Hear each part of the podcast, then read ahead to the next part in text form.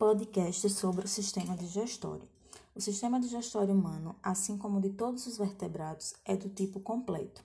Isto quer dizer que os alimentos são ingeridos pela boca e os resíduos que não foram úteis para o corpo humano são expelidos pelo ânus. O sistema digestório apresenta os seguintes órgãos: boca, faringe, esôfago, estômago, intestino delgado, que é dividido em duodeno, jejum e ilho, intestino grosso e ânus, além das estruturas anexas, que são as glândulas salivares, o fígado, a vesícula biliar e o pâncreas. O processo de digestão começa na boca com a ação dos dentes, língua e glândulas salivares. A boca é responsável pela digestão mecânica e a química. A mecânica consiste na ação de mastigação e trituração do alimento com os dentes e auxílio da língua, e a química pela ação das enzimas digestivas que mistura a saliva com o alimento, que irá formar o bolo alimentar. Após a formação do bolo alimentar, ele segue para a faringe por deglutição e depois passa pelo esôfago, que é responsável por encaminhar o bolo alimentar para o estômago através dos movimentos peristálticos.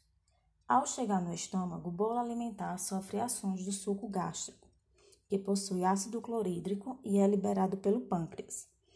Ao final desse processo, o bolo alimentar se transforma em quimo e segue para o intestino delgado, onde ocorre a maior parte da digestão dos alimentos que começa no duodeno, primeira parte do intestino delgado, que além de receber o quimo vindo do estômago, recebe secreções vindas do fígado e pâncreas.